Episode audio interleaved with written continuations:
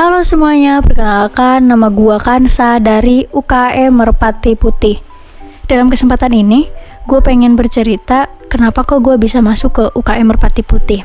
Dan yang belum tahu kalau Merpati Putih itu UKM bela diri silat. Kita pelajarin semua hal tentang pencak silat. Dan yang bikin gue kaget itu pas gue masuk ke UKM Merpati Putih di Binus, gue diajarin matahin besi sama batako. Dan itu gue ragu sebenarnya. Bisa nggak ya tangan gue yang kecil ini yang cuma sepergelangan bayi lah? Hampir sama kayak bayi gitu bukannya kecil deh tangan gue bisa matahin itu besi sama batako. Gimana caranya gitu? Ya namanya juga kalau belajar pasti ada caranya ya. Dan gue diajarin gimana caranya gue bisa matahin besi dan juga batako. Dan akhirnya gue bisa matahin dua lapis besi sama satu batako sih. Kalau batako gue belum berani untuk berlapis-lapis ya. Tebel banget. Nah itu suatu kebanggaan sih buat gue karena tangan kecil ini bisa matahin benda-benda keras. Udahlah kita cerita kenapa kok gue bisa masuk ke UKM Merpati Putih. Jadi yang pertama itu keinginan gua, itu keinginan dari lama. Dan yang ada di Binus itu perguruan Merpati Putih. Nah, jadi gue masuklah ke Merpati Putih. Itu keinginan gua untuk ikutan silat dan yang kedua, gue pengen melestarikan budaya Indonesia. Mungkin udah pada tahu juga dan ada yang mungkin juga belum tahu kalau silat itu adalah bela diri asli Indonesia yang udah diakui UNESCO sebagai budaya tak benda Indonesia.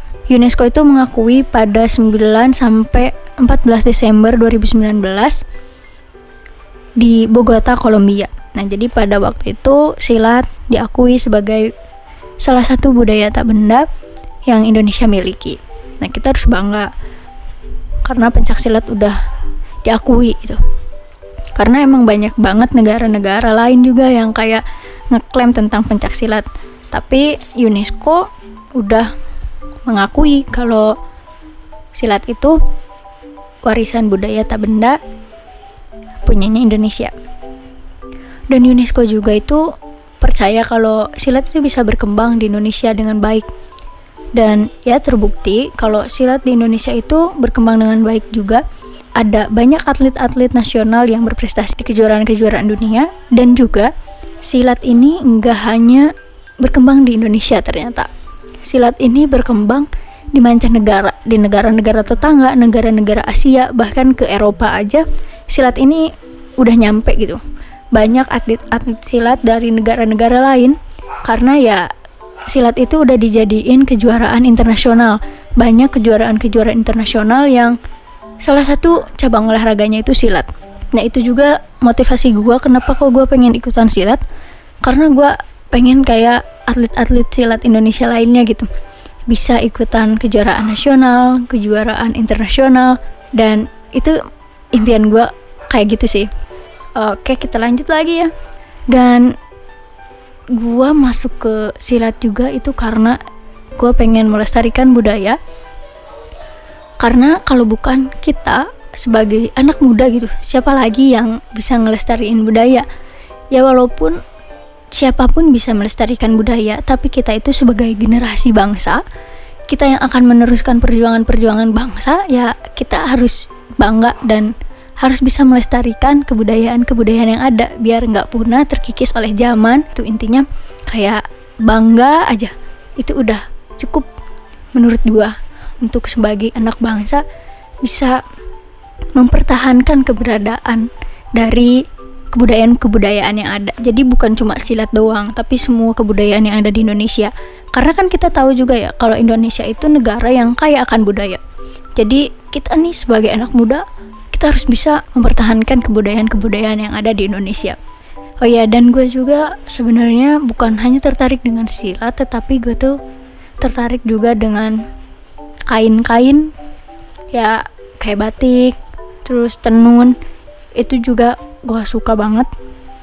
Kadang gue ada cita-cita suatu saat nanti gue harus bisa koleksi kain batik sama tenun. Terus juga gue itu suka juga sama gamelan. Gue itu dari SD sampai SMA um, gue tuh mempelajari gamelan. Tapi walaupun gue nggak bisa bisa banget cuman gue kayak coba-coba aja untuk main gong saron. Bahkan gue main kendang sama suling karena saking sukanya gitu. Gue pengen nyoba. Kayaknya seru ya kalau kita bisa main kendang. Kayaknya seru ya kalau kita bisa main suling. Nah gue coba tuh main alat-alat musik tradisional kendang suling kecapi gue mainin gue coba. Walaupun nggak terlalu bisa tapi setidaknya gue mencoba gitu karena gue pengen tahu gimana sih rasanya nyobain alat-alat musik tradisional itu kayak gimana gitu. Itu suatu kebanggaan sih buat gue nah dari situ juga alasan gue masuk ke UKM silat. Karena gue pengen ngelestariin silat pengen biar silat tuh tetap ada gitu. Jadi gue ikutan silat gue coba untuk jadi pengurusnya di UKM Merpati Putih. Ya lumayan lah. Gue banyak ketemu sama orang-orang yang punya pengaruh gitu di UKM Merpati Putih sendiri gitu khususnya kayak pelatih gue kating-kating gue mereka itu orang-orang hebat gitu. Bisa berprestasi bisa bawa nama silat gitu di kancah-kancah nasional gitu.